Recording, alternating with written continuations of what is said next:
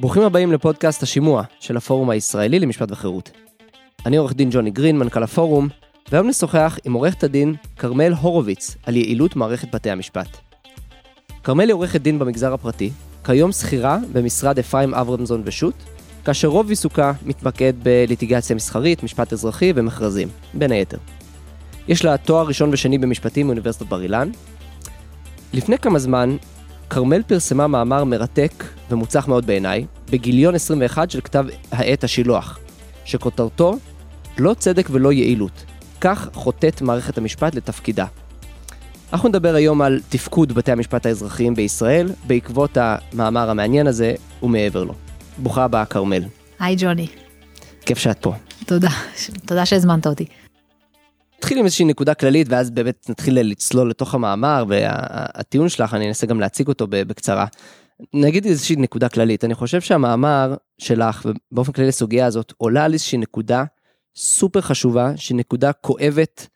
לאני חושב כמעט כל הציבור המשפטי כמעט כל ציבור המתדיינים, כלומר מי שמגיעים לבית המשפט, בין אם כמייצג כעורך דין, בין אם כבעל בעל או בעלת דין, כתובע או נתבע, יש פה איזשהו כאב, והוא לא רק של חוסר צדק, כן, יש חוסר צדק של כזה מבחן התוצאה, הפסדתי, ניצחתי, מה בית המשפט פסק. ויש פה משהו מעבר, יש פה תסכול על מערכת שמה שלא מתפקדת, שמשהו עמוק רקוב ולא עובד. ואני חושב שזה לא קשור לשאלות של ימין ושמאל ותפיסת עולם משפטית ואקטיביזם שיפוטי וריסון שיפוטי, על אף שאני כן חושב שזה קשור, כן, זה ברמה השטחית זה לא קשור, ברמה העמוקה יותר יש קצת קשר ואולי נדבר על זה. אני חושבת שזה משהו שכולנו יכולים להסכים עליו, פשוט כל מי שבא במגע עם בתי משפט, בא לך לפעמים לדפוק את הראש בקיר, להגיד, אבל למה המערכת לא עובדת? זה פשוט לוקח המון זמן, והתוצאה לפעמים היא טיפשית, היא פשוט תוצאה טיפשית, בלי קשר לשאלה אם הפסדת או ניצחת. בדיוק, אז זה באמת כאב שכל כך הרבה חשים אותו, ומנגד, על אף שכאילו הנושא ברמה שטחית עולה לעיתים קרובות. כלומר, כל הזמן מדברים על העומס בבתי המשפט, ועינוי הדין, וריבוי התיקים, ומה הזמן הממוצע, וכמה תיקים יש לשופט וכל זה. רק לאחרונה הייתה סדרה שלמה של הנושא הזה בעיתון גלובס. אבל מאכזב לראות כמה דיון הוא שטחי. כלומר, אף אחד לא מסוגל לשים את האצבע על בעיות העומק, על הסיבות, לא רק על הסימפטומים, אה, אה, או שאף אחד לא מוכן לעשות את זה. אז במאמר, במאמר שלך, אה, עורכת הדין הורוביץ, את בעצם מסבירה ומציגה ארבעה מאפיינים של מערכת המשפט, בספציפית מערכת המשפט האזרחי, שמחריפים את הבעיות הללו, או שיוצרים את הבעיות הללו.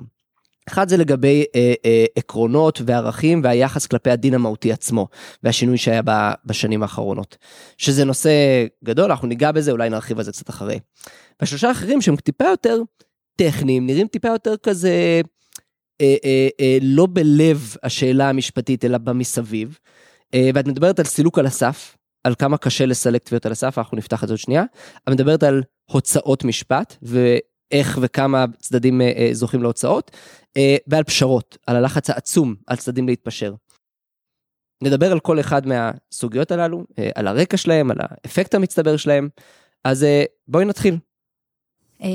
אז יום אחד מגיע אליי שליח הביתה עם מכתב רשמי, ואני מגלה שתבעו אותי. אני פותחת את המעטפה ואני מגלה ש... אישה נפלה בשביל הגישה לבניין של הבית ומסתבר שהשביל הזה רשום כשטח פרטי בבעלות הבניין והיא תבעה את כל בעלי הדירות בבניין. אני קוראת קצת יותר בעיון את כתב התביעה ואני מגלה שהתאונה קרתה לפני שקנינו את הדירה כלומר בכלל לא היינו בעלי זכויות במקרקעין באותה תקופה. אני אומרת אוקיי זה פשוט אני לא אמורה להיות נתבעת אני אתקשר לעורך דין של התובעת אני אגיד לו תשמע התבלבלת בוא אני אתן לך את הפרטים של מי שמכר לי את הדירה ותתבע אותו ושיהיה לך בהצלחה אין לי שום עניין בהליך הזה. מפה לשם אני לא אפרט בדיוק את כל השתלשלות האירועים הסיפור נגמר בזה ששילמנו כמה אלפי שקלים לתובעת רק כדי להתפשר איתה ושהתביעה הזאת תיגמר. שתרד ממך. כן. ואני עוד אדם שיש לו זכות יש לו גישה די קלה לבתי משפט, אני יודעת איך להתנהל במערכת, אני לא צריכה לקחת ייצוג משפטי, זה לא מאוד מפחיד אותי להגיע לשערי בית המשפט, ועדיין הסכמתי לשלם כמה אלפי שקלים, בלי שום סיבה, כי אני באמת באמת לא צריכה להיות הנתבעת במקרה הזה. אז בעצם קודם כל זה תביעה שהגיעה אלייך לא כעורכת דין במסגרת לא, לא. העיסוק שלך זה כאדם פרטי תבעו אותך. עכשיו את אומרת את עורכת דין את עוסקת כל היום בבית משפט וזה נכון. אין דבר שיותר קל לך מלהתייצב בבית משפט את לא אפילו צריכה לשלם לעורך דין תאורטית וזה. אנדיאט אנחנו מגיעים למצב שעדיף לך לשלם כמה אלפי שקלים מאשר אה, אה, להעיף את התביעה הזאת. נכון, כי אם הייתי, כי ניסיתי להעיף את התביעה, העורך דין כמובן לא הסכים. הוא לא אמר לי, אה, סבבה, אני אמחוק אותך ובא מישהו אחר. והבנתי שלנהל את התביעה הזאת עד הסוף, גם אם בסוף אני אזכה והשופט יגיד שאני באמת נתבעתי סתם, יעלה לי יותר ולשלם לה כמה אלפי שקלים. כי ההליך עצמו ייקח זמן, אני אצטרך להשקיע בו אנרגיה, גם אם אני לא אקח ייצוג, הזמן שלי גם שווה כסף, ובסופו של דבר, גם אם אני אזכה, ההוצאות שאני אקבל לא ישקפו את ההוצאות ש... אז כבר העדפתי לשלם את זה מלכתחילה במקום לספוג את כל העלויות האלה במשך כמה שנים. אז אני אוהב את הדוגמה הזאת, אני חושב שזו דוגמה שהמון אנשים התחברו אליה מכל מיני סיבות, אתה יודע, כל, כל אחד ואחת עם הנסיבות שלהם, אבל זה דוגמה קלאסית כי עוד לא הגענו לפה, לא הייתה מעורבות של בית משפט, כן? לא ראינו את ההתערבות של בית המשפט, אבל זו דוגמה קלאסית, כי קודם כל, ברמה המשפטית זה הכי פשוט שיש. אין פה שאלה, אין פה שאלה של פרשנות והדין ומה זה. את לא רלוונטית כנתבעת לתיק הזה. זה בדיוק כמו שהוא תבע אה, אה, חייזר מפלנטה אחרת. וגם... את פשוט, את לא נתבע רלוונטי לתיק הזה, זה כאילו שהוא, שהוא, שהוא תבע את ה... אה, כאילו התאונה הייתה בירושלים, והוא, והוא תבע מישהו שגר בפתח תקווה באותו זמן, בלי שום זיקה למקרקעין. נכון, וגם האמת שאם הוא היה מסכים לשחרר אותי ותובע את הטובים, את המוכרים, הוא לאו דווקא היה ניזוק מזה, בגלל שבסוף אם הוא היה מנהל תהליך מול הגורם הרלוונטי, הפיצוי שהוא היה צריך לקבל הוא, הוא כנראה שווה. כנראה מקבל אותו. נכון, אז מה אכפת לך? אבל אתה יודע, עורכי דין אוהבים להתווכח ואוהבים להקשות, מי כמוני יודעת. אז הוא לא יסכים. אז זה מביא אותי בעצם, אנחנו נדבר על זה אולי בסוף, אז זה מביא אותי לסוגיית התמריצים, שאנחנו בעצם נמצא את נכון. זה בסוף, בעצם כל הדברים האלה, ועכשיו נצלול לכל אחד מהם, אבל כל הדברים שאת מדברת עליהם במאמר, הם קריטיים מבחינת תמריצים, כי הם אומרים לנו, כי פה זו דוגמה טובה, כי לא, הייתה, לא היה פה בית משפט, אין פה מה להצביע על בית המשפט כאשם בסיפור הזה. אה, אבל... לא סיפרתי את כל הפרטים, אבל אוקיי. באמצע פניתי לבית משפט בבקשה לסילוק על הסף, והשופט אמר, לא, אנחנו נדון בתביעה לגופה ובסוף או, נכריע בשאלת הסילוק מהמם, טוב, אז בכלל, אז, אז, אז אני חוזר בי כאילו. אז על הנייר, תבינו שבכל מקום אחר, נדבר אולי על מדינות אחרות, בכל מקום אחר, זה אמור להיות הכי פשוט בעולם. תובע, אה, נתבע במקרה כזה, אמור לתת איזה פתק, כאילו אפילו לזכור עורך דין, לתת איזה פתק לבית המשפט, להגיד, תקשיבו, אני לא הייתי בעלים של המקרקעין שהם במרכז התביעה בתקופה של התאונה. אף אחד לא חולק על זה, אף אחד לא טוען שאני כן הייתי, לכן אני לא רלוונטי לתיק הזה, תוציא אותי, אני עוד, אני עוד, תהיי נחמדה ותוותרי על הוצאות שזה, אבל, אבל תוציא אותי. בית משפט לא אמור, אה, אה, כן, השופט לא אמור להסתכל פעמיים על נייר כזה, וברור שלהוציא אותך מהתיק. אז, אה, אבל, אפילו אם אנחנו מוצאים את בית המשפט, יש פה שאלה של תמריצים, וכל הדברים האלו משפיעים על איך שחקנים מתנהגים, על איך עורכי דין מתנהגים, על איך מתדיינים פוטנציאליים או בפועל אה. ועל כמה תביעות בסוף אנשים בוחרים או לא בוחרים להגיש. בדיוק, כי, בדיוק. סיכוי התביעה שלך, וכמה הוצאות אתה עלול לחטוף אם תגיש תביעת סרק, אז אתה גם חושב פעמיים האם להגיש תביעה או לא להגיש תביעה. בדיוק.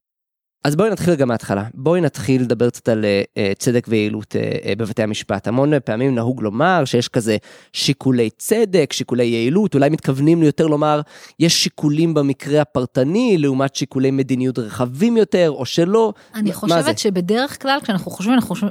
כשאנחנו חושבים על זה בצורה פשטנית, אנחנו חושבים שצדק ויעילות הם שני שיקולים סותרים שצריך לשמור על איזון ביניהם.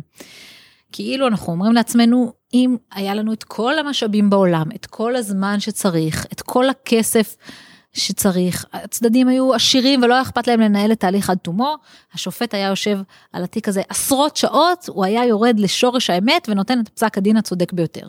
זו התפיסה שלנו, ואז אנחנו אומרים, אבל אנחנו חיים במציאות, יש שיקולי יעילות, לשופט יש הרבה תיקים, הכסף שלנו מצומצם, והצדק והיעילות מתנגשים וצריך איכשהו לאזן ביניהם. ובמאמר אני רוצה לטעון שזה לא ככה, שהיעילות היא חלק אינהרנטי של הצדק. כי אני רוצה פסק דין לא רק צודק בשורה התחתונה שלו מי חייב למי כמה, אלא אני רוצה גם לקבל אותו מהר. כל זמן שההליך נמשך זה גורם סבל לצדדים, זה גורם לבזבוז כסף לצדדים. ולא רק זה, אלא שגם היעדר היעילות גורם לכל מיני תמריצים שליליים ולכל מיני תוצאות לוואי שליליות שדווקא פוגעות עוד יותר בצדק. והבאתי כמה דוגמאות לזה במאמר, ואלה התמריצים שעליהם אה, נדבר אחר כך. אז זה מעניין, קודם כל, אה, חד משמעית העניין הזה של בעצם יעילות הוא סוג של צדק, כן? במאמר נכון. את מדברת על עינוי דין, ולמה קוראים לזה איחור או המון זמן לתת פסק, פסק דין, נקרא עינוי דין, כן, בשפה שלנו, ויעילות זה סוג של צדק, ובעצם ההפרדה היא... מלאכותית, זה מזכיר לי, זה ציטוט של השופט אה, קרדוזו, האמריקאי, שבאחד הספרים שלו הוא אומר שיש אה, חוזה בין, יכול, בתור שופט, כן, הוא רואה חוזה בין שני צדדים, ויכול להיות שיש איזשהו חוסר צדק, על, כאילו, יש איזשהו חוסר, חוסר צדק בביצוע החוזה, על אף שהחוזה הוא בסדר, והוא לא בטל, והוא תקין וזה. אבל אז הוא אומר, יש גם צדק בעצם העיקרון שיש לקיים חוזים. ואיזה, כן, יש איזשהו חוסר צדק בעצם זה שאני אגיד, לא, אני אוותר לו עכשיו על קיום החוזה הזה, כי יש חוסר צדק בגלל זה שאני אפגע בכלל שהוא מכווין את כל החברה שצריך לקיים חוזים. אז בישראל אני חושבת ששופט לא היה אומר את כן, זה. כנראה. ואיך הפתגם הבריטי אומר hard cases make bad law. כן. אז בישראל יש hard cases כל הזמן וכל הזמן השופטים מושכים לכיוון ה-bad law כדי להקל על בעלי דין ספציפיים. והם לא חושבים על השלכות הרוחב שיש לזה אני חושבת שבאיזשהו מובן השופטים מביאים על עצמם את העומס שהם סובלים ממנו. זה חד משמעית אה, נכון, אנחנו גם אה, ניכנס גם לזה עוד שנייה. אה, הזכרת לי גם שבשיחה שהייתה לנו לא מזמן עם השופט, שופט מבית המשפט העליון, שהוא אמר שהוא אוהב לחשוב על, אה, לא רק על המתדיינים באולם שלו, אלא במי שבמסדרון. וכשאת מדברת על לא מעט פסיקה, את גם מדברת על זה במאמר, ולא אמרתי את זה בהתחלה, אבל ברור שאני ממליץ לכל המאזינים לקרוא את המאמר הזה, בטח אם אתם בעולם המשפט, אבל ממש לא רק, אה, לקרוא את המאמר הזה אה, שנקרא לא צדק ולא יעילות אה, בגיליון גיליון 21 של כתב את השילוח. יש המון המון פסקי דין, את גם סוקרת חלק מהם במאמר שלך, שבדיוק לא מסתכלים על המסדרון. כלומר, שאומרים, טוב, יש פה איזה מקרה, בואו נגמיש קצת יותר את הכללים, בואו אה, אה, נכניס פה איזשהו תוכן חדש, בואו אה, נשנה קצת את המערכת, ו, אה, אבל הם לא מסתכלים על המסדרון, ושלאט לאט הם גודשים את המסדרון. כי עם כל החלטה כזאת, עוד ועוד ועוד אנשים ככה מנסים נכון. להיכנס למסדרון. כי כשאתה לא מסלק תביעות סרק על הסף אתה מעודד אנשים להגיש תביעות סרק כי מה יש להם להפסיד הם יגישו תביעה במקרה הכי גרוע שידחו את התביעה בסוף אז הם לא, לא יפסידו כלום כי הוצאות משפט גם ככה הן לא ריאליות ובמקרה היותר טוב הם הצליחו איכשהו לגרור את הצד השני להתפשר כי לא שווה לו לנהל את ההליך אז עכשיו, אז אין להם מה להפסיד. עכשיו הרס לי את כל הפודקאסט, כי בעצם אמרת את השורה התחתונה, כרכת את כולם ביחד, אמרת הכל, אה, סתם, אני מסכים במאה אחוז. בואי, בואי נלך עליהם אחד אחד אחד, אחד, אז בואי נדבר כן. על סול- סילוק על הסף. אוקיי. איך זה עובד, איך זה אמור לאסוף, ל- לעבוד, מה- מה- מה קורה היום בישראל? אוקיי, אז בתקנות סדר הדין האזרחי, סעיף 101 אני חושבת, קובע כלל מאוד פשוט. אם יש תביעה שאין עליה מחלוקת... 101 בתקנות החדשות? לא, בתקנות אה, ישנות, אוקיי, צריכה בסדר. לבדוק את החדשות. כן. את המאמר פרסמתי עוד בתקנות כן, הישנות. בתקנות הישנות, כן.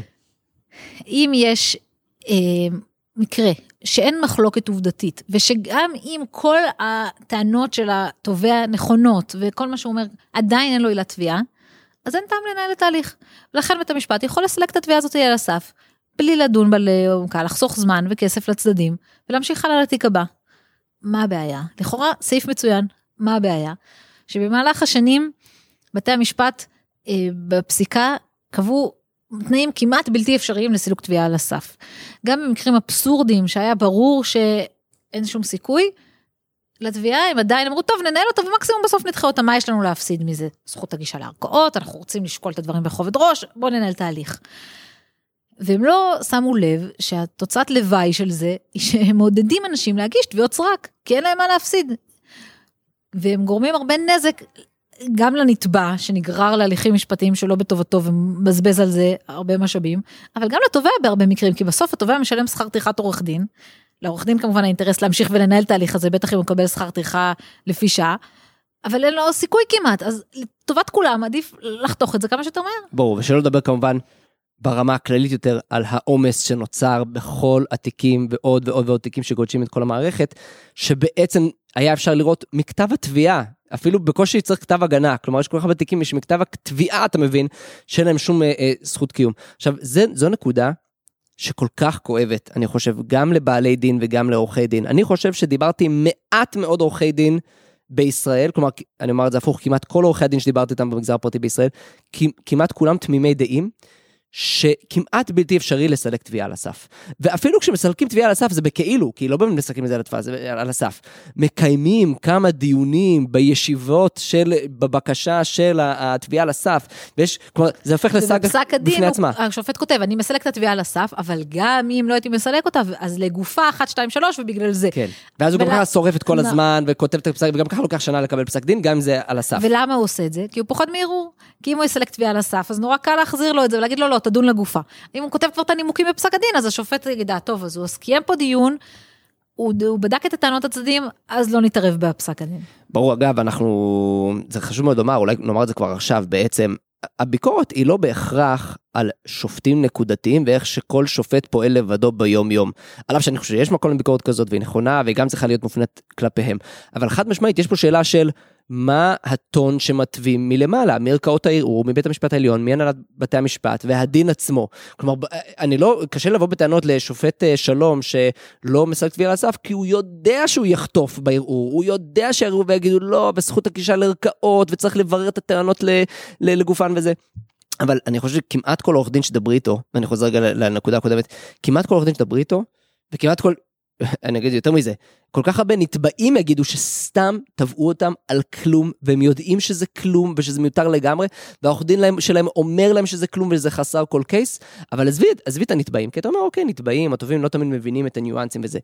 כמה עורכי דין אני מכיר, וזה המון, שיגידו, לא, נתבעתי או ייצגתי בתיק שלא היה צריך לעבור את המזכירות. לא היה צריך לעבור יום אחד בבית המשפט.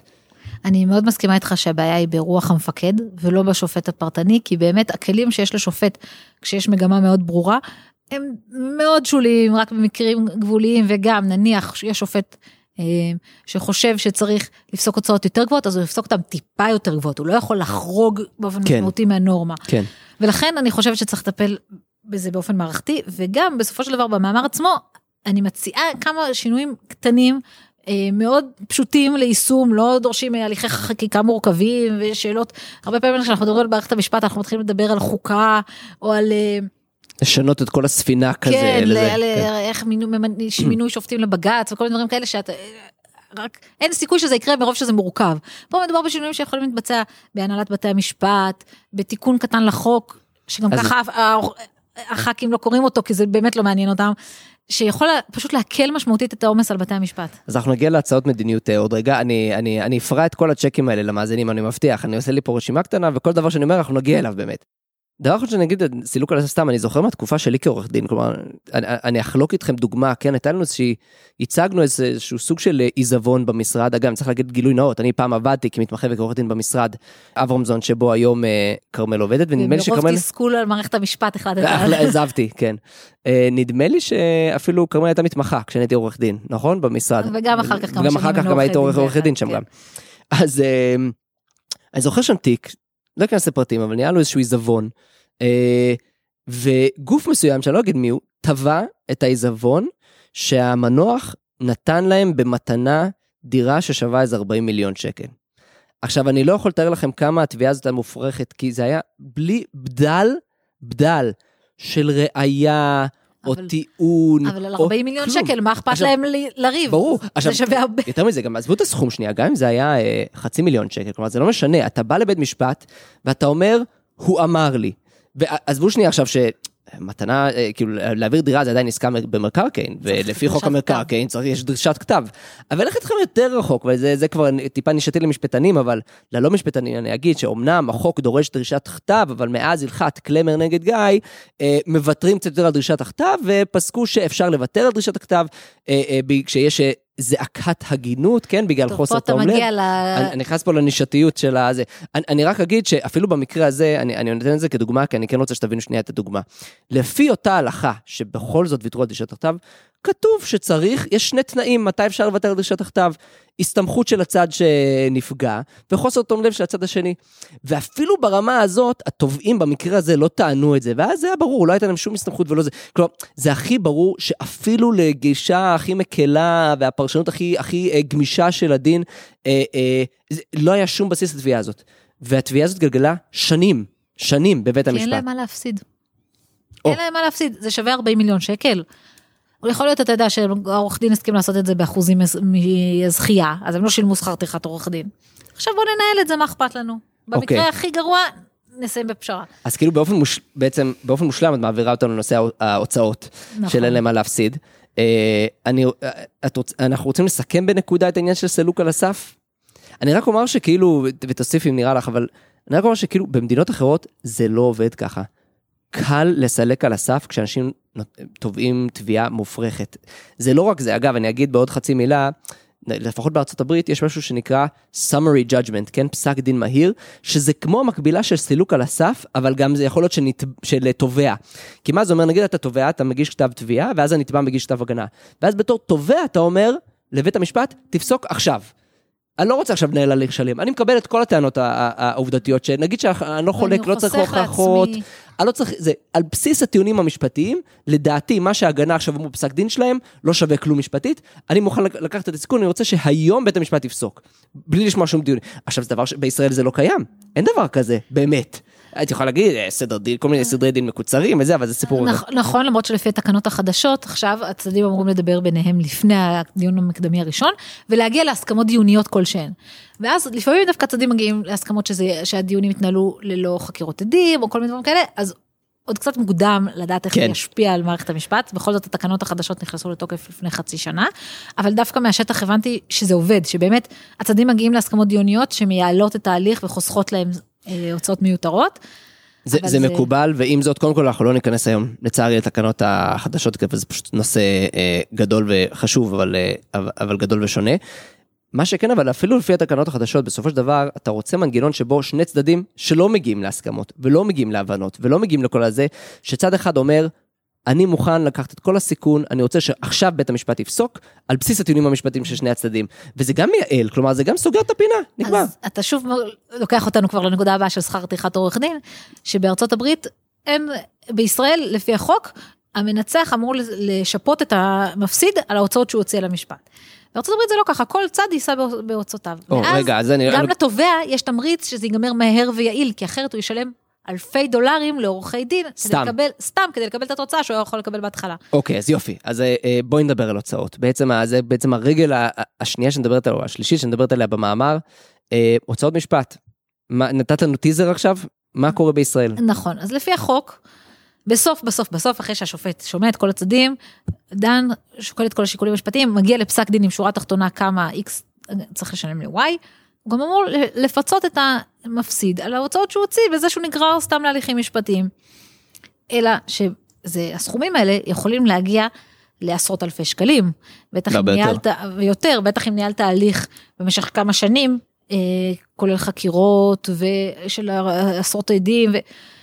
ושילמת לעורכי, דין שכר טרחה לפי שעה, זה המון המון כסף, עד כדי כך שלפעמים המנצח מפסיד את כל הסכום שהוא, שהוא הרוויח בהוצאות שהוא שילם לצד השני. ולכן שופטים, בעיקר אם מדובר באנשים פרטיים ולא בכיסים עמוקים כמו המדינה או חברות מאוד גדולות, מרחמים על התובע, בטח אם הוא ניצח, אומרים, טוב, הוא ניצח, הוא צדק, אז מה, אני עכשיו גם מחייב אותו בעשרות אלפי שקלים? וההוצאות שנפסקות בישראל הן לא ריאליות להוצאות האמיתיות של הצדדים. אה, זה כמובן משתנה משווי התביעה ומהיקפה וכמה זמן לקח לנהל אותה, אבל הוצאות הן בין אלפי שקלים לבודדים ל-30-40 אלף שקל. אלא אם כן אחד הצדדים באמת עצבן את השופט באופן מיוחד. אה, אני אני אתן לו דוגמה כזאת. אבל אבל שבכל זאת לא... לא, לא, אבל זה- גם זה, מה זאת אומרת, השו- אה, הוא עצבן את השופט. הוצאות הן לא סנקציה עונשית, הן לא נועדו אה, לתמרץ את הצדדים להתנהג בצורה יותר חברית אחד לשני, או להגיש פחות בקשות סרק במהלך ההליך. הוצאות אמורות לשקף את הנזק שנגרם לצד השני מעצם ניהול ההליך. אבל כשאת לא אומרת את זה, זה גם, זה נראה לי בהחלט אמור להשפיע על, אה, לפעמים באמצע ההליך, כמו מבקשים הוצאות על אה, בקשה מסוימת, נגיד אם הייתה, כן, הוגשה איזושהי בקשת סרק, ואז הצד השני מגיב, אז המגיב המון פעמים יגיד, ואני אדרוש גם את ההוצאות, על הזה אני אתחשבן איתו, לפעמים דורשים הוצאות כבר אוקיי. עכשיו, לפעמים דורשים הוצאות בסוף ההליך. יש מצבים שבאמצע ההליך שופט אה, בעצם פוסק הוצאות נקודתיות על נכון. בקשה מסוימת, נכון? ועכשיו בתקנות החדשות גם הם אמורים לפסוק הוצאות בכל הליך ביניים, כבר עכשיו ולא לחכות עם זה לסוף, כי בסוף השופט לא יזכור עכשיו כמה בקשות ביניים היו ויסכום את כל הסכומים ויגיע למאות אלפי אגב. שקלים, אז הוא יגיד, טוב, 40 אלף שקל זה מכסה גם את כל הבקשות ביניים. זה לא באמת מכסה. כן. כל בקשת ביניים כזאת, זה עשרות שעות עבודה של עורך דין. אז זו תקנה טובה, יסקרן אותי מה קורה בשטח, אם באמת הרי, יכול להיות שגם בבקשות בין- ביניים, אז אוקיי, הוא יגיד זה עלה לי 5,000 שקל, זה השופט יסתכל ויגיד, אה, זה נראה לי שווה 1,000 שקל.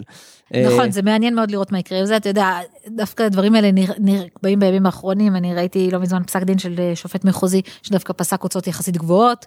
אני חושבת שחלק מהשופטים מבינים שאלה כלים שנועדו לעזור להם להתמודד עם העומס, ודווקא קיבלו אותם אה, באהבה. אוקיי, אז תסבירי עכשיו, תסבירי איך זה קשור לעומס. באמת, כי נתת לנו טיזר. לא, אוקיי, אוקיי, אז כל צד אה, כן מקבל פחות הוצאות, יותר הוצאות, ובואי נהיה, לפעמים אנחנו רוצים להיות הוגנים יותר, באמת, כמו שאמרת, יש כיסים שפחות עמוקים, אז מה עכשיו, הוא כולה אזרח שטבע כי הוא חשב שהוא צודק וזה, אז מה, הוא עכשיו ישלם 100 אלף שקל על זה שהוא הפסיד בבית משפט? אז אה, אני חושבת שהסיפור שהבאתי בהתחלה מדגים את זה מצוין. בסוף נתבעים בעיקר בתביעות אזרחיות שפועלים לפי שיקולים רציונליים כלכליים. זה לא אה, הליכים פליליים או דברים כאלה שמאוד אמוציונליים. בסוף יש פה איזשהו נזק בסכום מסוים, שאלה על כמה אני מוכנה להתפשר, יותר או פחות. אני אמורה, לי, ברוב המקרים זה אמור להיות רציונלי. עכשיו, אם אני יודעת שאני 100% צודקת, אבל אני לא אקבל את הכסף על ההוצאות בסוף ההליך, אז לא שווה לי לנהל אותו עד הסוף. אלא אם כן אני פועלת באופן נורא דווקני, עורך דין אחד אמר לי פעם, אני הכי אוהב לקוחות אידיאליסטים, אלה שמוכנים ללכת עם האמת שלהם עד הסוף, כי הם ישלמו לי שכר טרחה עד השקל האחרון. אבל רוב הלקוחות הם לא כאלה, והם אומרים, אוקיי, נכון, לא מגיע לו שקל, אבל אם אני אנהל את ההליך הזה, אני אשלם 40 אלף שקל לעורך דין, אז אני אשלם לו עכשיו 10,000 שקל. ונגמור עניין. ונגמור עניין, ואני אוכל לישון בלילה בראש שקט. למרות שתאורטית מה שאמרת, אני, יש איזו תשובה טובה, אבל עכשיו מה שאמרת זה אה, אמור להוריד עומס מבית המשפט. זאת אומרת, אוקיי, אז ההוצאות בעצם גורם לזה שבית המשפט לא פוסק הוצאות ריאליות, אומר שאנשים פחות מתדיינים, זה, זה נכון? הפתרון, זה הפתרון הקל והמהיר, וכששופטים יושבים מול... אה, 250 תיקים שהם אמורים לנהל כרגע, ויש להם מחר דיון, והם ממש לא רוצים לכתוב פסק דין בדיון הזה, אז הם דוחקים את הצדדים לפשרה, שזאת הנקודה השלישית שעוד נגיע או, אליה. רגע, לפני שנגיע לפשרה. אז אני לא אגיד את זה. כן. אז זה, זה נכון בטווח המהיר, כי בטווח המהיר זה גורם לצדדים להתפשר, אבל בטווח הרחוק זה גורם לאנשים להגיש סתם תביעות. כי, כי אין להם מה להפסיד, כי הם הצליחו לגרור את הנתבע לפשרה, גם כשהוא צודק וגם כשלא מגיע להם שקל. אני רוצה לומר בנפרד ל... אה, לפשרה או לא, כלומר אפילו בלי המימד של הפשרה, אני חושב שעלית בדיוק על הנקודה. העניין של ההוצאות, שאין הוצאות ריאליות, מאוד אה, אה, מתמרץ אנשים להגיש תביעות לפי שיטת המצליח. או אגב, אני קורא לזה גם התגוננות סרק, כלומר, אם תבעו אותך ואין לך שום קייס, אבל אתה, אה, אה, אה, אתה מחליט להתגונן בכל זאת ולמשוך אה, אה, הליך עכשיו ארוך, אה, גם ההוצאות מאוד מאוד מתמרצות זה. דבר ראשון, אני אפילו אומר יותר מזה, בגלל שלא פוסקים הוצאות ריאליות בישראל, אז אנחנו בסוג של מצב ביניים. כלומר, מצד אחד, כן פוסקים הוצאות, כלומר זה לא כמו הברית שכל אחד בדרך כלל נושא בהוצאות אה, אה, משפט שלו, אבל זה לא מצב שפוסקים באמת את ההוצאות הריאליות, אז זה, זה מישמש כזה. אני חושבת שבמצב כמו הברית שכל צד נושא בהוצאותיו, השופט גם רואה לנגד עיניו את הנתבע המסכן שעכשיו הולך לשאת בהוצאות אה, מאוד כבדות, ולכן הוא עצמו ישתדל להיות יעיל, וישתדל לדחוק את הצד השני לנהל את זה ביעילות, ויהיה הרבה פחות סבלן. בישראל, שלכאורה הוא ישפר אותו על ההוצאות, אז הוא אומר, טוב, ננהל תהליך, ואחר כך נדון בסדר. בזה בשלב ההוצאות. נראה בסוף. כן. ובגלל שזה מישמש, אבל בגלל שזה ערבוב כזה, אז זה לא באמת קורה. כלומר, הוא אומר, בסוף נתחשבן, אבל בסוף לא באמת מתחשבנים. ומה שאומר זה בסופו של דבר כל כך הרבה אנשים מצד אחד מגישים סתם תביעות כי זה שיטת מצליח. כי אולי איכשהו בסוף אני אצל... אולי בכל זאת אני נזכה אפילו בוא נגיד יש לך 10% סיכוי לזכות אבל אבל אתה לא תשלם אה, אה, אה, כן אה, 90% מהשכר דיחה יפצו אותך על כל השכר דיחה תאורטית. אני חושבת שאנשים מגישים תביעות גם כשהם יודעים שהם לא יזכו ב-100% מהתביעה. כאילו אומרים אין לי סיכוי לזכות בכל התביעה אבל אם אני אצליח להתפשר על 20% שיחקתי אותה. ויותר מזה אבל אם אתה תוכל להתפשר על 20% וגם, וגם אתה לא תיאלץ באמת לשלם חלק מההוצאות שלך, או לפחות לא תישא בהוצאות של הצד השני, כלומר, גרמת לצד השני להוציא המון המון כסף, עוד שניה אנחנו נגיע לפשרות, גרמת לצד השני להוציא המון כסף, אבל אתה לא באמת תישא בעלות הזאת, אז זאת סיבה עוד יותר טובה להגיש תביעה. כי אתה אומר, לא רק שאני צמצמתי סיכונים, שזה אני לא יודע אם אני אנצח או אני אפסיד, אבל אפילו אם יש לי סיכוי נמוך לנצח, לפחות אני לא באמת אשא בתוצאות הריאליות של הצד השני. נכון. אז עוד פעם, זה מישמש, אנחנו לא נהנים לא מהמצב שאין הוצאות, שלא פוסקים הוצאות בכלל, שזה one thing, ואנחנו גם לא נהנים מהמצב של הוצאות ריאליות, כי אין באמת הוצאות ריאליות. נכון, וזה גם צריך לזכור פה שהתובע יכול לקחת עורך דין אה, באחוזים משווי הזכייה, אבל לנתבע אין את הפריבילגיה הזאת. כי אין לו מה להציע לעורך דין, הוא חייב להוציא מכיסו אלפי שקלים. חד משמעית. שלא יוחזרו לו. את פשוט מזכירה לי, ויכול להיות שנעבור לפשרה, אבל הזכרת לי עוד תיק, וזה מצחיק שנדבר כאילו איזה עורך דין, אני כאילו עורך דין 20 שנה, ואני אני, אני לא. אמ, זה רק מראה כמה כל עורך דין שתפגוש יכול לתת לך עשר דוגמאות לכמה המצב הזה. לא, אבל ממש, בדיוק מה שאמרת. כל עורך דין שעבד שנה כעורך דין בליטיגציה אזרחית, או בבתי משפט וזה, ישר ייתן לך עשר דוגמאות. אז אמ, הזכרתי דוגמה אחת מסוימת של... אה, הצגנו באיזושהי תביעה תבעו אה, אה, לקוח שלנו. הסדר גודל של תביעה הייתה איזה, היה איזה 9 מיליון שקל על תביעה מופרכת לחלוטין, ואני לא אכנס כאן לפרטים, אבל היא הייתה כל כך מופרכת, בית המשפט בבית, בפסק דין בסוף שחט אותם וביקר אותם ונכנס בהם וזה. אה, אה, סתם אני, אני אתן לזה טיפ, טיפה צבע, כן? זה איזה מישהו שהחליף כמה מיילים כזה מאוד לקונים ממישהו אחר שקנה בית, שני אנשים זרים לחלוטין, מישהו פונה למישהו אומר לו, תקשיב, אני מעוניין לעשות זה, הבן אדם השני לא כל כך מבין מה הוא רוצה ממנו, אומר, תקשיב, אני לא, לא, לא סגור מה אתה רוצה ממני, אז בגדול זה מסתכם בכמה מיילים כאלה. לאחר שהאדם הזה קונה את הבית ומשפץ אותו, הוא מקבל מייל מאותו בחור שפנה אליו ואומר לו, תקשיב, אתה חייב לי 9 מיליון שקל. הוא אומר לו, למה? הוא אומר לו, אני שותף איתך. מה זאת אומרת, אתה שותף איתי, אני לא מכיר אותך. הוא אומר, לא, לא, לא, אנחנו עכשיו שותפים, הוא גם לא רוצה דמי תיווך על, ה... על הנכס, הוא לא טען שהוא כאילו הציג לו את הנכס שהוא קנה, וזה אומר, אני שותף איתך בנכס, ואתה עכשיו כאילו אה, אה, שיבחת, כן, השבחת את הנכס, אה, שיפצת אותו וכולי, ואני עכשיו רוצה חלק מהרווח, זה גם רווח פוטנציאלי, הוא לא אפילו מכר את הנכס שהוא שיבח, תאורטית, לפי השותפות המומצאת הזאת. עכשיו זה היה מדהים, כי אה, כל עורך דין יגיד, שמעו, כאילו, אה, יש, יש כללים לחוזה, וכן, אה, הצעה, וקיבול, וגמירות דעת, ומסוימות, ועוד יותר לשותפות עסקית, יש תנאים שמבשיל, עכשיו זה היה כלום, זה היה חלופת שלושה ארבעה מילים לקונים, שברור שכאילו, לא, אף צד לא בכלל יודע מה הוא רוצה. התביעה הזאת גלגלה איזה שנתיים, שלוש שנים אפילו, או אפילו יותר. טוב, זה היה תשעה מיליון, זה לא היה סכום שהנתבע יכול להתפשר עליו ב... כן, זה בכלל, גם, גם לא, לא היה כל כך עניין בפשרה, וגם לא הייתה סיבה, גם לא הייתה סיבה באמת להתפשר על שקל, כלומר זו הייתה תביעת סרק, היה צריך לסלף, לפי כל uh, הבנה רגילה של הדין, היה צריך לסלק אותה על הסף, אפרופו סילוק על הסף. אבל בהוצאות, זו הייתה תביעה מאוד מאוד יקרה, uh, והיו הוצאות ריאליות ללקוח, שמשהו כמו, אני, אני לא רוצה, אני לא אגיד כמה, אבל כמה מאות אלפי שקלים. סכום מאוד מכובד. אגב, יש כללים של לשכת עורכי הדין, של מה הם, או גם יש פסיקה בעבר, של מהו הגבול העליון של כזה הוצאות סבירות ביחס לסכום התביעה, זה היה בתוך הגבול. כלומר, גם לפי פסיקת בית המשפט, הסכום של ההוצאות היה בתוך הגבול. זה סיפור מאוד ארוך, אני עוד שנייה מסיים, ואז אנחנו נמשיך איתך. זה פשוט גורם לכל כך הרבה תסכול. ובסוף בית המשפט המחוזי באמת פסק את ההוצאות הריאליות. הוא אמר, אוקיי, זה תיק. היה פה תיק אמיתי, ניהלנו את התיק, זה משרד שנתיים. מכובד, זה סכום גבוה, זה שעות. בתוך ה... כן, וזה בתוך ה... מאות שעות, וזה בתוך המסגרת, אגב, זה גם כלל טיסות של אנשים מחו"ל וזה, אה, אה, זה במסגרת הפסיקה של מהם הוצאות סבירות ב, ביחס לגודל התביעה וזה. ובית המשפט העליון, אני לא אגיד איזה שופט זה, אבל אני אתן לך... אה, רמז, הוא פרש לא מזמן והוא ידוע שלוקח לו שנים שנים שנים שנים לתת פסקי דין, אז הערעור הזה גם ישב אצלו איזה שנתיים בבית המשפט העליון עד שהוא נתן פסק דין, והוא דחה את הערעור לחלוטין, הערעור של הצד השני כמובן, והוא דחה את הערעור ש... לחלוטין, אבל הוא החליט לחתוך את ההוצאות בחצי. למה? ככה, כי נראה לו. כובע, אבל ממש כובע. ההוצאות בנסיבות העניין נראות לי גבוהות, אגב, התובע לא היה עני בכלל. מן הסתם. ממשפחה עמידה. רק יכל... אה, תלמיד יכול להרשות לעצמו לנהל הליכים. יכל להרשות לעצמו. אה, אה, כאילו שזה אמור להיות שיקול, זה באמת לא אמור להיות שיקול, אבל, אבל הנה גם זה. והשופט במשפט העליון, באמת בלי שום בסיס, כלומר זה גם הפסקה האחרונה כזה, בפסק דין כזה, אומרת בצורה הכי לקונית, טוב, ראיתי שהמחוזי פסק איקס אלפי, מאות אלפי שקלים, דעתי יותר הגיוני שזה חצי. פשוט תוריד. אז הנה לכם אנקדוטה של פסיקת הוצאות. אבל אז... שזה מעניין, כי בתביעות בסכומים נמוכים, אז איכשהו יש לך ערכי מטרד ויכולת יותר גמישות להתפשר. בסכומים כל כך גבוהים, אתה, אין סיכוי שתתפשר, אז אתה נאלץ לנהל את תהליך עד תומו, אבל אז אתה מגיע לשלב ההוצאות ולא מקבל את כולן. חד משמעית. אז, אז עכשיו אנחנו נעבור בעצם לעניין הפשרות, שלדעתי אולי זה הסיפור הכי מעניין, וזה אולי בעצם לב הסיפור של הכל. אז ספרי לנו קצת מה קורה בבתי המשפט עם, עם פשרות. אז כמו שכולם יודעים, השופטים עמוסים, ומתלוננים על זה, והם באמת, התלונות שלהם לא סתם, הם באמת מאוד מאוד עמוסים, ושופט ממוצע מטפל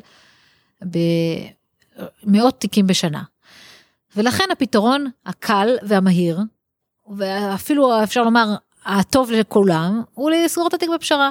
לנתבעים אין עניין לנהל תהליך עד תומו, כי הם לא יקבלו בסוף הוצאות ריאליות. לתובעים עדיף לנהל, לא לנהל תהליך תומו, בטח אם זאת תביעת סרק, אבל גם אם זאת לא תביעת סרק, הם קונים סיכון מאוד כבד, והשופט אין לו זמן לדון בתיק בכובד ראש ולכתוב פסק דין מנומק ולהכריע לכאן ולכאן. ולכן בתי משפט מאוד אוהבים פשרות. ולכאורה פשרות זה דבר טוב. אם שני הצדדים יכולים להגיע ביניהם להסכמות ולא לבזבז אה, משאבי ציבור וזמן וכסף שלהם אז מה טוב הבעיה מתחילה. זה אפילו יעיל על פניו נכון. הנה סיימת תהליך מוקדם לא ניהלת אותו. אפילו יצאנו עם לחיצת יד וכל אחד על החדר חסכנו הליך. מעולה מה הבעיה שלפעמים השופטים כל כך להוטים לסגור את התיק בפשרה, שהם דוחקים את הצדדים לעשות את זה, גם במקרה שהצדדים לא רוצים.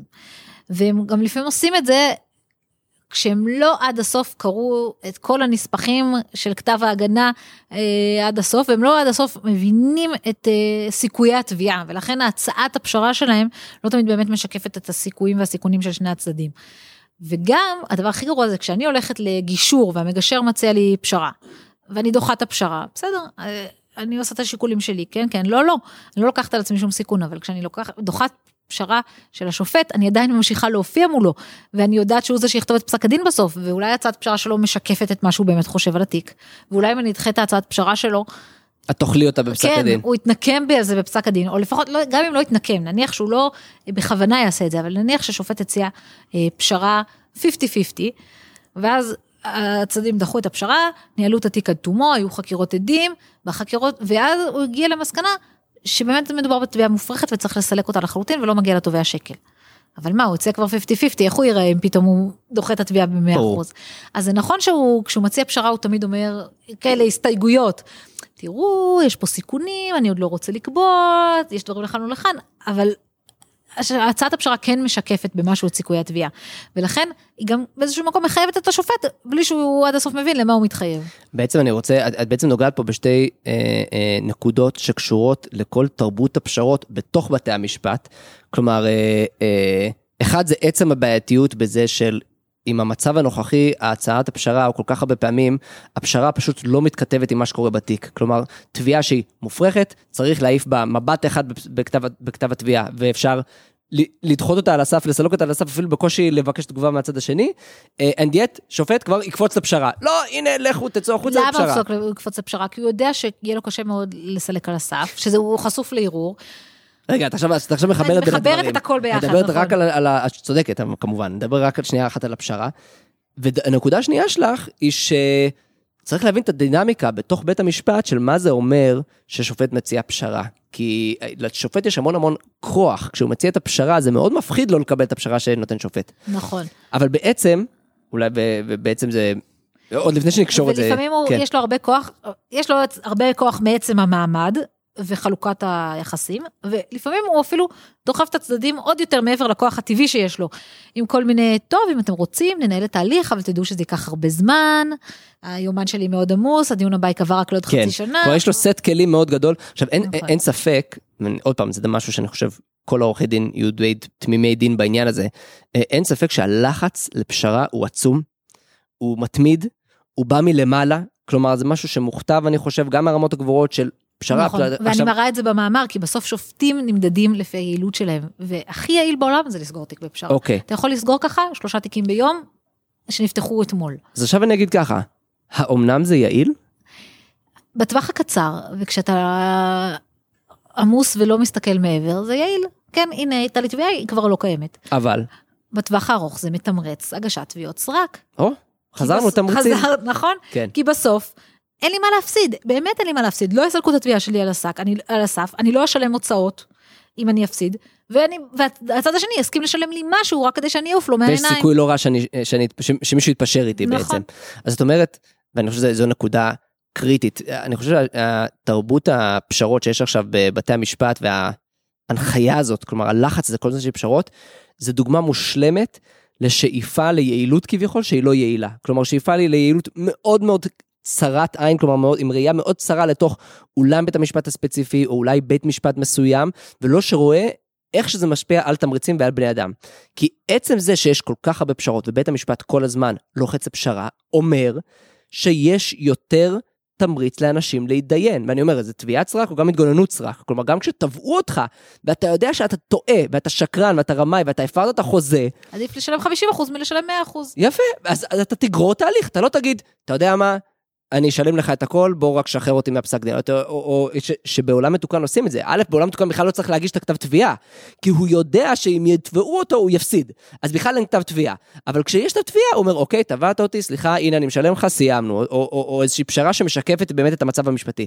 אבל מה שקורה עכשיו זה אומר, לא, אני אנהל תהליך עד הסוף, כי יש יותר אני סיכוי... אני אוציא לך את הנשמה לפני שתראה מזה. זה מלחמת התשה. כלומר, אנחנו נעשה מלחמת התשה, בית המשפט, כמו שאמרת, לא יפסוק הוצאות ריאליות, הוא בטוח לא יפסוק את, לא יסלק את התביעה הזאת על הסף. ועכשיו בית המשפט כל הזמן ילחוץ לפשרה, והוא לא יבין את התיק, הוא לא יבין שאני, סליחה שאני אומר, שאני הרמאי פה בסיפור תראה, הזה. תראה, לא תמיד הוא לא מבין את התיק, אבל גם כן. כשהוא מבין את התיק, גם כשהשופט אה, מבין את התיק לעומקו ומבין שסיכויי התביעה הם מאוד מאוד גדולים, הוא גם מבין ש... יש לו ש- שיקולים מעבר. לא, שגם אם הצד השני רוצה להוציא לך את הנשמה, הוא יצליח להוציא לך נשמה. הוא יגיש המון בקשות סרק במהלך ההליך, הוא יגיש מיליון עדים, הוא יעשה חקירות ארוכות, והתהליך, וההליך יימשך חמש שנים. זאת אומרת, גם ששופט שמבין היטב את המצב, מבין לגמרי שזו תביעה מופרכת וכולי, הוא יגיד, תקשיב, לא שווה לי עכשיו, אני עדיף לא לי... שווה לך, לך התובע, לא שווה כן. לנהל את התביעה, כי בסוף אתה תראה את הכסף רק עוד חמש שנים, ואחרי שהוצאת אה, עשרות פי או מאות שתיים על שקלים, אה, ההוצאות שאתה על לא- זה. לא, על ההוצאות כן. שלך, של העורך דין, אז כן. בוא, תיקח עכשיו את ההצעה שאני מציע לך, זה נכון, קיבלת אה, 80 אחוז ולא 100 אחוז, אבל חסכתי לך הוצאות וזמן. אז הכל בעצם מתחבר לתוך אה, אה, תמונה אחת גדולה. אה, אני חושב שהפשרות זה ממש אה, אה, שם המשחק פה, אני, כמו שאמרתי, זה כאילו, זה פשוט ראייה מאוד נקודתית וצרה של יעילות, לעומת ראייה של תמריצים, וזה אולי מילת המפתח על ההתדיינות, ומה שמדהים אותי, אגב, את זה בכוכבית, את כתבת את המאמר הזה, אני חושב שמאוד חשוב, כל עורך דין צריך לקרוא אותו. הסתכלתי עכשיו, כלומר, כש, כשרואים כתבות בעיתונות על עומס בבתי המשפט, ועל כמות התיקים וזה, אף אחד לא מדבר על הדברים האלה. כלומר, כל כך נדיר לראות מישהו שיבוא ויגיד, תקשיבו, מה אתם מצפים? אם אתם כל היום דוחפים לפשרות, לדוגמה בין היתר, אז ברור לכם שיהיו יותר תובעים ויותר התגוננויות סרק, כי אנשים יותר שווה להם שיטת מצליח, נכון. יותר שווה לאנשים למשוך תיקים, כאילו בסוף- למשוך אה, התנהלות. בסוף אה, החתול שומר על השמנת. מי, מי אחראי למצוא פתרונות לעומס על מערכת בתי המשפט? מערכת בתי המשפט. ואז היא חושבת, רגע, איך אני אפתור את העומס? נגדיל את המערכת, נוסיף יותר שופטים. ויהיה- עכשיו, והם לא מבינים, ואת זה גם כתבתי במאמר, שלהוסיף יותר שופטים, להפך, יכול לתמרץ צדדים להגיש יותר תביעות, כי עכשיו... יש עבר- יותר תקנים, יותר תקנים, יש התיקים- יותר אולמות. התיקים כן. מתבררים יותר מהר, אם פעם אני אגיש תביעת סרק, אני אראה את הכסף רק עוד חמש שנים, עכשיו אני אראה אותו עוד שלוש שנים. זו נקודה ממש חשובה, כי כל הזמן עולה הטיעון הזה. אין בישראל מספיק שופטים, יש מעט מדי שופטים לפי כל מיני זה. יש אה, המון עורכי דין. יש המון עורכי דין, יש תרבות של המון. להתגייס. אגב, יש המון עורכי דין, זה, זה נכון, ואין ספק שהפרופסיה של עורכי הדין מאוד מרוויחים מזה סך הכל. למרות שאני טוען שהעורכי דין הגרועים מרוויחים את זה, העורכי דין פחות אה, אה, מרוויחים מזה, אבל זו סוגיה אחרת. אבל הנה, כשהדיון הופך למסחרה, ואני יכול לקבל פשרה גם כשלא מגיע לי כלום, אז כל עורך דין יכול להגיש תביעות סרק, כשהוא יודע שבסוף הוא יקבל משהו. והסיכון שהוא נוטל הוא מאוד אה, הוא. זניח, כן. אה, אבל כשמעלים את הטיעון הזה בעצם של, ה, של השופטים, את בעצם את כן מתייחס לזה במאמר. נכון. אני גם מראה ש... זה לא נכון להשוות את בתי המשפט הישראלים לבתי המשפט האירופאים, ושביחס לבתי מש... שזאת שיטת משפט אחרת, ושביחס לבתי המשפט באנגליה ובארצות הברית, שהשיטה שם יותר דומה לשיטה שלנו, כמות השופטים לנפש היא לא נמוכה בכלל. אני זוכר את זה, נראה לי, אני אנסה להיזכר מהמאמר, נראה לי שאמרת, אה, בסדר, נראה לי שאמרת שהטיעון הוא בדרך כלל שבישראל יש משהו כמו שמונה שופטים למאה אלף איש, והממוצע ב-OECD הוא לא יודע מה, 14, משהו כזה, 14 או 20, לא זוכר כמה, מלא, הרבה יותר, וזה טיעון שכביכול מתקבל על הדעת, אתה אומר, שמע, יש לנו ממש מעט שופטים, אבל ברגע שטיפה מגרדים את הטיעון הזה, מבין שהוא מופרך לחלוטין, כי שופט באירופה אמור להיות הרבה יותר אקטיבי בדיון, ולנהל את הדיון בעצמו, ולחקור את העדים בעצמו, ולכן הזמן השיפוטי שמצופה ממנו להשקיע בכל תיק הוא הרבה יותר גדול. עצם ההגדרת, ומי שמכיר קצת, אנחנו לא, הקהל הלא משפטי שלנו אולי קצת פחות יכיר את זה, אבל עצם ההגדרת של, אה, אה, אה, עצם הגדרת התפקיד של שופט באירופה, היא שונה לחלוטין ממה שאנחנו מכירים כשופט, והוא שופט חוקר ויוצא מבית המשפט, הוא, הוא בעצם מתפקד כ, כחוקר משטרה, בין היתר, נגיד בתיקים פליליים, כחוקר סוג של פרטי בתיקים אזרחיים, ואני אגיד יותר מזה, אה, אה, כל מסלול הלימודים הוא שונה, כן? אתה הולך לבית ספר, המש- אתה הולך, אתה הולך לבית ספר למשפטים, אתה הולך בעצם, לסוג של בית ספר לשופטים, אתה מסיים את הלימודים, אתה כבר נהיה שופט באותו יום, כלומר, כן, נער כאילו בן יש שני- 22 נהיה שופט. יש אה, שני מקצועות שונים לחלוטין, עורכי דין ושופטים, וזה לא ששיפוט הוא שלב מתקדם של עורכי דין מצליחים. אז קיבלתם עכשיו אה, crash course בהבדלים בין משפט קונטיננטלי למשפט אה, מקובל, כמובן המשפטנים שלנו המאזינים אה, מכירים את זה יותר. אז כל זאת רק לומר שההשוואה הזאת היא מופרכת לחלוטין, כי התפקידים שונים לחלוטין. ומה שאת מראה במאמר בין היתר, זה שכשמשווים אותנו למשטרים, אדבר, אה, כאילו על מדינות אה, עם מערכת משפט אדברסרית אה, ש, אה, של המשפט המקובל, כמו אנגליה, ארה"ב, קנדה וכולי, אז אנחנו בעצם מאוד גבוהים. נכון. הם בממוצע של ארבע וחצי או חמש שופטים לכל מאה אלף איש, ואנחנו באזור ה... ואפשר להבין למה הם מאוד גבוהים, כי אנחנו מעודדים תביעות סרק וניהול הליכים מתמשכים, אז צריך יותר כוח לא אדם פלא שתטפל בזה. שאנחנו כן. צריכים כל כך, אבל בוודאי זה שזה מפריך את הטענה של אין לנו מספיק שופטים, זו בוודאי כנראה לא העניין. אני לא בטוחה שזה מפריך את הטענה, אלא שיש בעיה. השאלה היא מה הפתרון. ואני חושבת שהפתרון להגדיל ולהגדיל ולהגדיל את המערכת זה קצת ללכת עם ראש בקיר. זה כמו... זה פלסטר. זה כמו שיש פקקים אז נסלול עוד כבישים. אבל כשאנחנו סוללים עוד כבישים אנחנו רק מתמרצים אנשים לקנות עוד רכבים פרטיים. בואו נחשוב כמו, אה, הפוך איך אנחנו יכולים לתמרץ אנשים לנסוע בתחבורה ציבורית כדי שיהיה פחות עומס על הכבישים. מכירה, אה, הניתוח הצליח, החולה מת. כן. הפציינט מת, כן. אז זה כזה, זה ממש לטפל רק בסימפטום ולא ב, בתופעת השורש. אז אני חושב שאנחנו נהיה עוד מעט לקראת סיום, אה, ובעצם את קושרת את כל הדברים יחד, אני חושב, בצורה מאוד מוצלחת, שמדברת על תמריצים, כי כל אחד מהדברים האלה הם משהו שכביכול נורא נקודתי, וכביכול כל אחד בא לקדם איזה משהו, סילוק על הסף קצת יותר בצד של צדק, הוצאות קצת יותר בצדק חלוקתי, כאילו סילוק על הסף זה גם זכות גישה לערכאות וכל מיני זה כאלה. גם ש- נקודות שהן אה, שוליות, לשאל- הן לא נוגעות בשאלות משפטיות מהותיות, הן בסוף ההליך כשכבר לאף אחד, אתה יודע, השופט פוסק הוצאות בשורה, הוא בכלל אפילו לא אין לו מנמק את כוח זה הרבה להתעסק עם זה פעמים. בזה, נכון. וזה כאילו הדברים ל- שהכי בשוליים, ואף אחד לא חושב. על ערעור. אין להם כוח לזה, אבל זה לב העניין. כלומר, אלה הדברים שמשפיעים לאנשים על החלטה, האם להגיש אה, אה, תביעה או לא. תביעה לא מוצדקת, או זה. כי תביעה מוצדקת אנחנו רוצים שאנשים יגישו תמיד. ואני חושבת עוד משהו, שרוב השופטים במערכת המשפט באים מהמגזר הציבורי, או אה, מהפרקליטויות, או מעוזרים משפטיים, או שהם היו אקדמאים, והם מסתכלים על התפקיד של שופט, אה, בכובע של אני עושה צדק, אם דיברתי על הצדק בהתחלה, אני רוצה לשקול את הדברים בכובד ראש, ולרדת לגוף, לשורש העניין ולהכריע מי צודק. והם לא מסתכלים על המערכת העסקית ועל התמריצים ועל האזרחים שצריכים בסוף הכרעות בסוגיות והם לא אומרים לעצמם רגע איך אני מתמרץ היום אנשים להגיש פחות תביעות או אה, לא להתגונן סתם אלא הם מסתכלים כאילו על, הש... על התיק שבא לפתחם ואומרים רגע מה עכשיו צודק לתת לבן אדם הזה שנקט הרגל בשביל ליד הבית של כרמל. אז את אומרת הרבה פעמים להמון אה, שופטים אין את, אין את הפרספקטיבה הזאת של להיות עורך דין, אה, עורכת דין במגזר הפרטי ופשוט להכיר איך זה נראה מצד התובע והנתבע כשהדברים האלה קורים, כשלוחצים לפשרה או כשלא נותנים הוצאות כמו שצריך או כשלא מסלקים תביעה מופרכת על הסף, לא נכון. מכירים את זה. ואני גם לא חושבת שזה תפקיד של שופט פרטני אה, בבית משפט להכריע בזה, זה באמת סוגיה, רוח מערכתית. המפקד. כן, המערכת צריכה לעודד את השופטים לפסוק הוצאות ריאליות, והמערכת צריכה לעודד את השופטים לסלק תביעות על הסף. חד משמעית, שזה אומר גם משפטית. אה, אה, אה, ערכאות הערעור שהתייחסו לזה וגם מבחינת הנהלת בתי המשפט נכון. ובית המשפט העליון. אני רוצה להתייחס לשתי נקודות אחרונות ואז אנחנו נסיים. אה, הנקודה האחרונה או השנייה זה הצעות אה, ייעול או הצעות מדיניות שלך של איך אה, קצת לתקן את המצב. אה, הנקודה השנייה לאחרונה שהיא בעצם הנקודה הכי חשובה ואנחנו לא ניכנס בה אנחנו, אנחנו כמעט ולא נעמיק בה כי היא נקודה גדולה מדי. בעצם את פותחת את המאמר שלך אה, עם הנקודה של הר- הרחבת כל מיני, הכנסת כל מיני עקרונות וערכים לכל מיני שאלות משפטיות. כלומר, אם פעם היו כל מיני שאלות משפטיות שהתשובה שם הייתה מאוד ברורה וחד משמעית, בעצם, וזה כמובן, את נתת כמה דוגמאות, אבל זה משהו שהוא רוחבי אני בכל חושבת מערכת שהדוגמאות המשפט. שהבאת פה, הן ממחישות את זה הכי טוב. פעם היה ברור, עסקה במקרקעין דורשת דר- דרישת כתב, אין לך צטלה חתום, לך הביתה. לך הביתה, אין לך מה לעשות, אנחנו מרחמים עליך, באמת, תנחומינו שנפלת, אה, שנפלת קורבן לעוקץ, אבל אין לנו מה לעשות, זהו, ידינו כבולות. ולאט לאט, אתה יודע, השופטים הישראלים כנראה הם רחמנים בני רחמנים, והם מרחמים על אנשים מסכנים שנעקצו, ולאט לאט המערכ... הכללים נהפכו למסואבים יותר ויותר, ויש כל מיני חריגים, ויש כללי צדק, ויש... אה, סעיפי שסתום ויש תו- תום לב וכל מיני מונחים כאלה. ואז גם הרבה יותר קשה לסלק תביעות על הסף, כי באמת אי אפשר לדעת האם אה, לזרוק את התובע מכל המדרגות או לא. יפה, אני חושב שזה זה ממש לב העניין, ולב, והתביעות על הסף, והסליחה, הסילוק על הסף הכי ממחיש את זה. כי באמת אני מבין את הבעיה של שופט, שאומר, איך אני אסלק תביעה על הסף?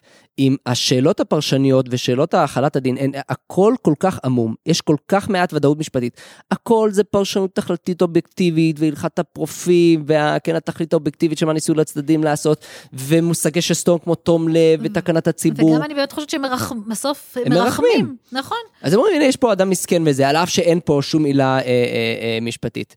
אז קודם כל, ועוד פעם, זה ממש סוגיה רחבה הרבה יותר. אני אגיד, לאחרונה, אה, במסגרת איזושהי פעילות של הפורום שלנו, הייתה הרצאה של אה, שופט אה, מחוזי מאוד בכיר, וכששאלו אותו על עומס בתי המשפט, הוא אמר את זה הכי ברור, אמר את זה בצורה, בצורה שהכי לא שומעים בשום מקום. הוא אמר, חבר'ה, מה אתם מצפים? כשמגמישים את חוקי, את כללי הפרשנות, ומגמישים את, באופן כללי את כל הכללים האדוקים והפורמליים יותר, הפורמליסטיים יותר של המשפט, אז כמובן שיש לצפות שתהיה יותר התדיינות. ואני לא מבין את ההתפלאות בזאת בעניין אני הזה בכלל. שמחה שהוא אמר את זה, כי כן, זה אומר התפלאנו. מחלחלת לתוך המערכת. אני לא יודע, אני חושב שהוא חריג במערכת, אני חושב לא, שזה לא אני לא מחלחל. חושבת שהיום המטוטלת אה, נוטה קצת יותר לפורמליסטיקה ולכללים הנוקשים, ופעם זה היה אה, יותר ויותר מקל, והיום כבר איכשהו בתי המשפט מנסים לאזן את זה, זה תהליכים שלוקחים הרבה זמן, אין ספק. קודם כל בגלל שבתי משפט לא מחליטים בעצמם במה לדון, זה הכל תיקים שבאים לפתחם, ועד שזה מגיע לעליון, ועד שזה יגיע. להרכב המתאים. יש פה איזשהו תהליך הדרגתי מאוד ארוך מאוד- שזה יקרה. כן, אבל אני כן חושבת שהמגמה היום היא יותר, אה, עצ- עצם ההכרה בפיל בחדר הזה, אני חושב שזה הבעיה. כלומר, כשתראי אנשים מדברים על העומס בבתי המשפט, כל כך מעט ידברו על הדין המהותי בדין האזרחי, וההגמשה והשינויים והפרשנות המאוד מאוד אה, מתירנית ו- וגמישה וכל זה. נכון, בדרך כלל עושים. הבחנה, יש את הדין המהותי ויש את הפרוצדורה. ו- ו- והפרוצדורה בדרך כלל גם נשמעת לאנשים הרבה יותר משעממת. כן, אבל אף אחד לא חושב שהדין המהותי משפיע על הפרוצדורה, כי הוא משפיע על היחס של השופטים למה הם יכולים לעשות. וכמובן הפרוצדורה היא המהות, כלומר כן. תמיד אין, אין, ה- הניתוק ביניהם הוא, הוא מלאכותי. כמובן נגיד בסוגריים, יש פרק שדיברנו על זה, קצת פרק בפודקאסט, דיברנו עם פרופסור טליה איינהורן על תקנות הסדר הדין- אה, סדר הדין האזרחי אה, אה, החדשות, אה, שכבר נכנסו לתוקף מאז. דיברנו, קצת גם נגענו בסוגיה הזאת של הפיל הזה שבחדר של הדין המהותי ואיך שהוא משפיע על העומס בבתי המשפט. אבל זהו, אני סוגר את הסוגריים האלו, כי זה באמת נושא גדול מדי. אנחנו נסיים את הפרק, אני רוצה לשמוע קצת על ההוצאות מדיניות שאת מציעה במאמר שלך. אז אה, כמו שכבר אמרתי, אני חושבת שהצעות הן מאוד פשוטות ליישום. נגיד סילוק על הסף. על פניו התקנה כבר קיימת. אה, והיא הפכה קצת לאות מתה, אבל אפשר להקים אותה לתחייה די בקלות, בין אם זה באמצעות חוזר אה, מנהל מערכת- בתי המשפט שיודיע לשופטים, אני מבקש שתעשו את זה יותר, ואפשר אפילו להגיד, אנחנו נמדוד עכשיו, כל שופט בסוף שנה נמדוד כמה תביעות הוא סילק על הסף, וכמה מהם אה, אחר כך הוגש ערעור, התקבל הערעור על זה, כדי לראות שלא סילקת על הסף סתם תביעות. כן. כמובן גם השופטי ערעור צריכים להיות בהבנה נכון, ובזה. בהבנה אבל שאם, כן. שרק אם השופט השלום טעה ולא היה צריך לסלק על הסף, רק אז להחזיר את זה, ולא לרחם על התובע שסילקו את התביעה שלו על הסף. אה, בין אם זה אה, תיקון חקיקה, שנראה לי שהוא יחסית פשוט, כי כאמור, כי כאמור זה פרוצדורלי ולא צריך לעורר יותר מדי מחלקות בכנסת. יותר מזה האמת, הרי תקנות סדר דין אזרחי זה אפילו לא תיקון חקיקה, זה חקיקת משנה, ואפשר לתקן אפילו גם נכון. את התקנות אה, בצורה יותר... אה, נכון. קלה. ו- ובין אם זה באמצעות פסיקה מתקדמת, אבל זה באמת תהליכים שכמו שאמרתי מקודם, לוקחים יותר זמן ודורשים אה, כן. שינוי יותר... אז אין ספק, את אומרת שמצד, גם אם זה חקיקה או חקיקת משנה, וגם מבחינת הנהלת מערכת המשפט, אפשר לתת הנחיה הרבה יותר ברורה וקצת יותר לסגת מההגמשה הזאת ולומר, חבר'ה, כשעל פניו אין עילה משפטית קונקרטית, תעיפו את ה...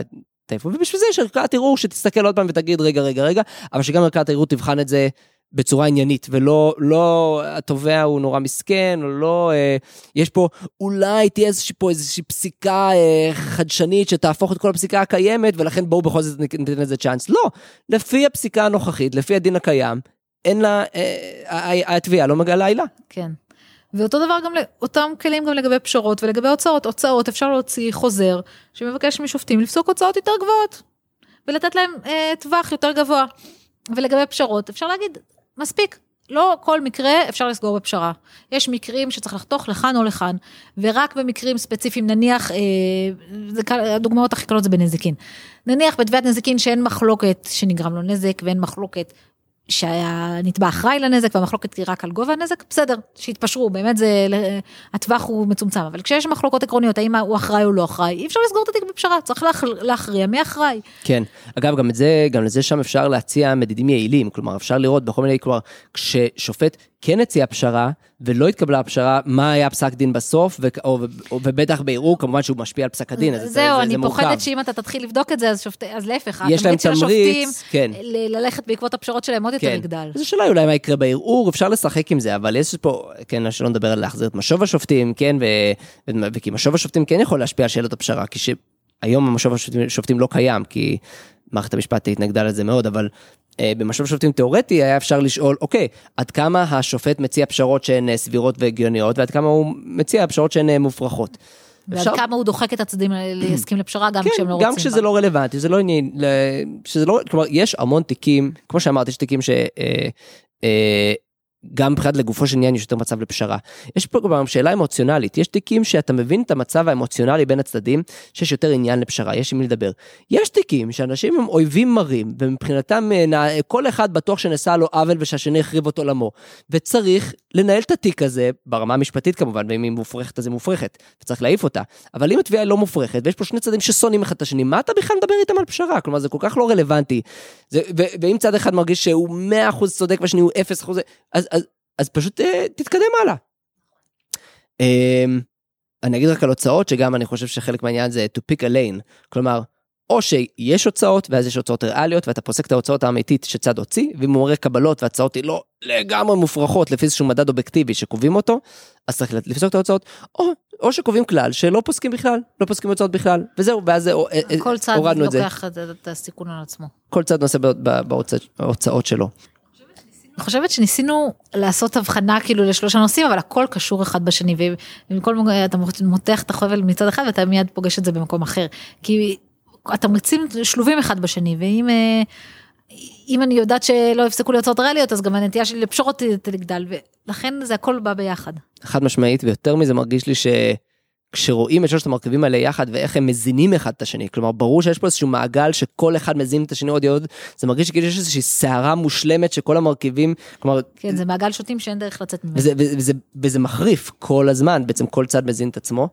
אני רק אסיים עם המשפט שאמרת את זה, אז זה נראה לי סופר רלוונטי של אה, מי שמרחם על, אה, לא אמרת את זה, אבל אמרת שהם מרחמים. לא אמרתי, רק אמרתי שהשופטים הישראלים מרחמים. יפה, אז, ומאחר ואמרת את זה, אז אני, זה הזכיר לי כמובן את הפתגן שמי שמרחם על אה, אה, אכזרים סופו להתאכזר על רחמנים אז אני לא אומר שפה הם מרחמים על אכזרים אבל אין ספק שיש משהו בזה של השאיפה הזאת להיות בין אם זה סופר גמיש ובין אם זה לוותר על מישהו בגלל הוצאות ובין אם זה זה זה לחוס על לחוס על המסכן וזה ובשאיפה לנסות את זה זה בעצם גורם את הנזק הכי גדול ואגב הנזק הזה הכי גדול הזה הוא לחלשים.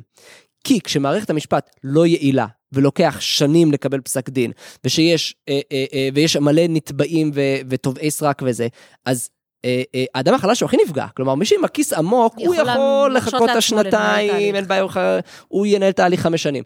או שהוא, יס, או שהוא לא יקבל את ההוצאות שלו בחזרה, לא נורא, יש לו את הכיס העמוק. האנשים החלשים הם, הם האנשים שהכי סובלים מהעינוי דין וזה, ועל העומס על בתי המשפט, הם הכי סובלים מזה שהם לא יקבלו את ההוצאות שלהם אני חזרה. אני חושבת גם שהם אלה שלא ישנים טוב בלילה כשהם יודעים שיש תביעה נגדם. ברור.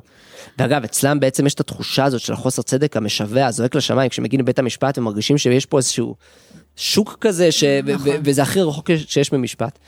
אז uh, תודה רבה רבה לעורכת הדין כרמל הורוביץ. תודה לך, ג'וני. תודה רבה לכל המאזינים. אזמין אתכם להצטרף לפורום הישראלי למשפט וחירות, לעשות לנו לייק לעמוד הפייסבוק, ולהצטרף כחברים באתר שלנו, לא forum.org.il. נשמח תמיד לקבל כל פידבק, המלצות לנושאים ולמרואיינים, הצעות לפעילות של הפורום וכל דבר אחר. לבסוף, אזכיר שהפורום לא נוקט עמדה רשמית בסוגיות אקטואליות, ואינו תומך במהלכי מדיניות ספציפיים. כל עמדה או דעה המוצגת במסגרת הפעילות שלנו היא של מביע העמדה או הדעה בלבד. זהו, נשתמע בפרק הבא.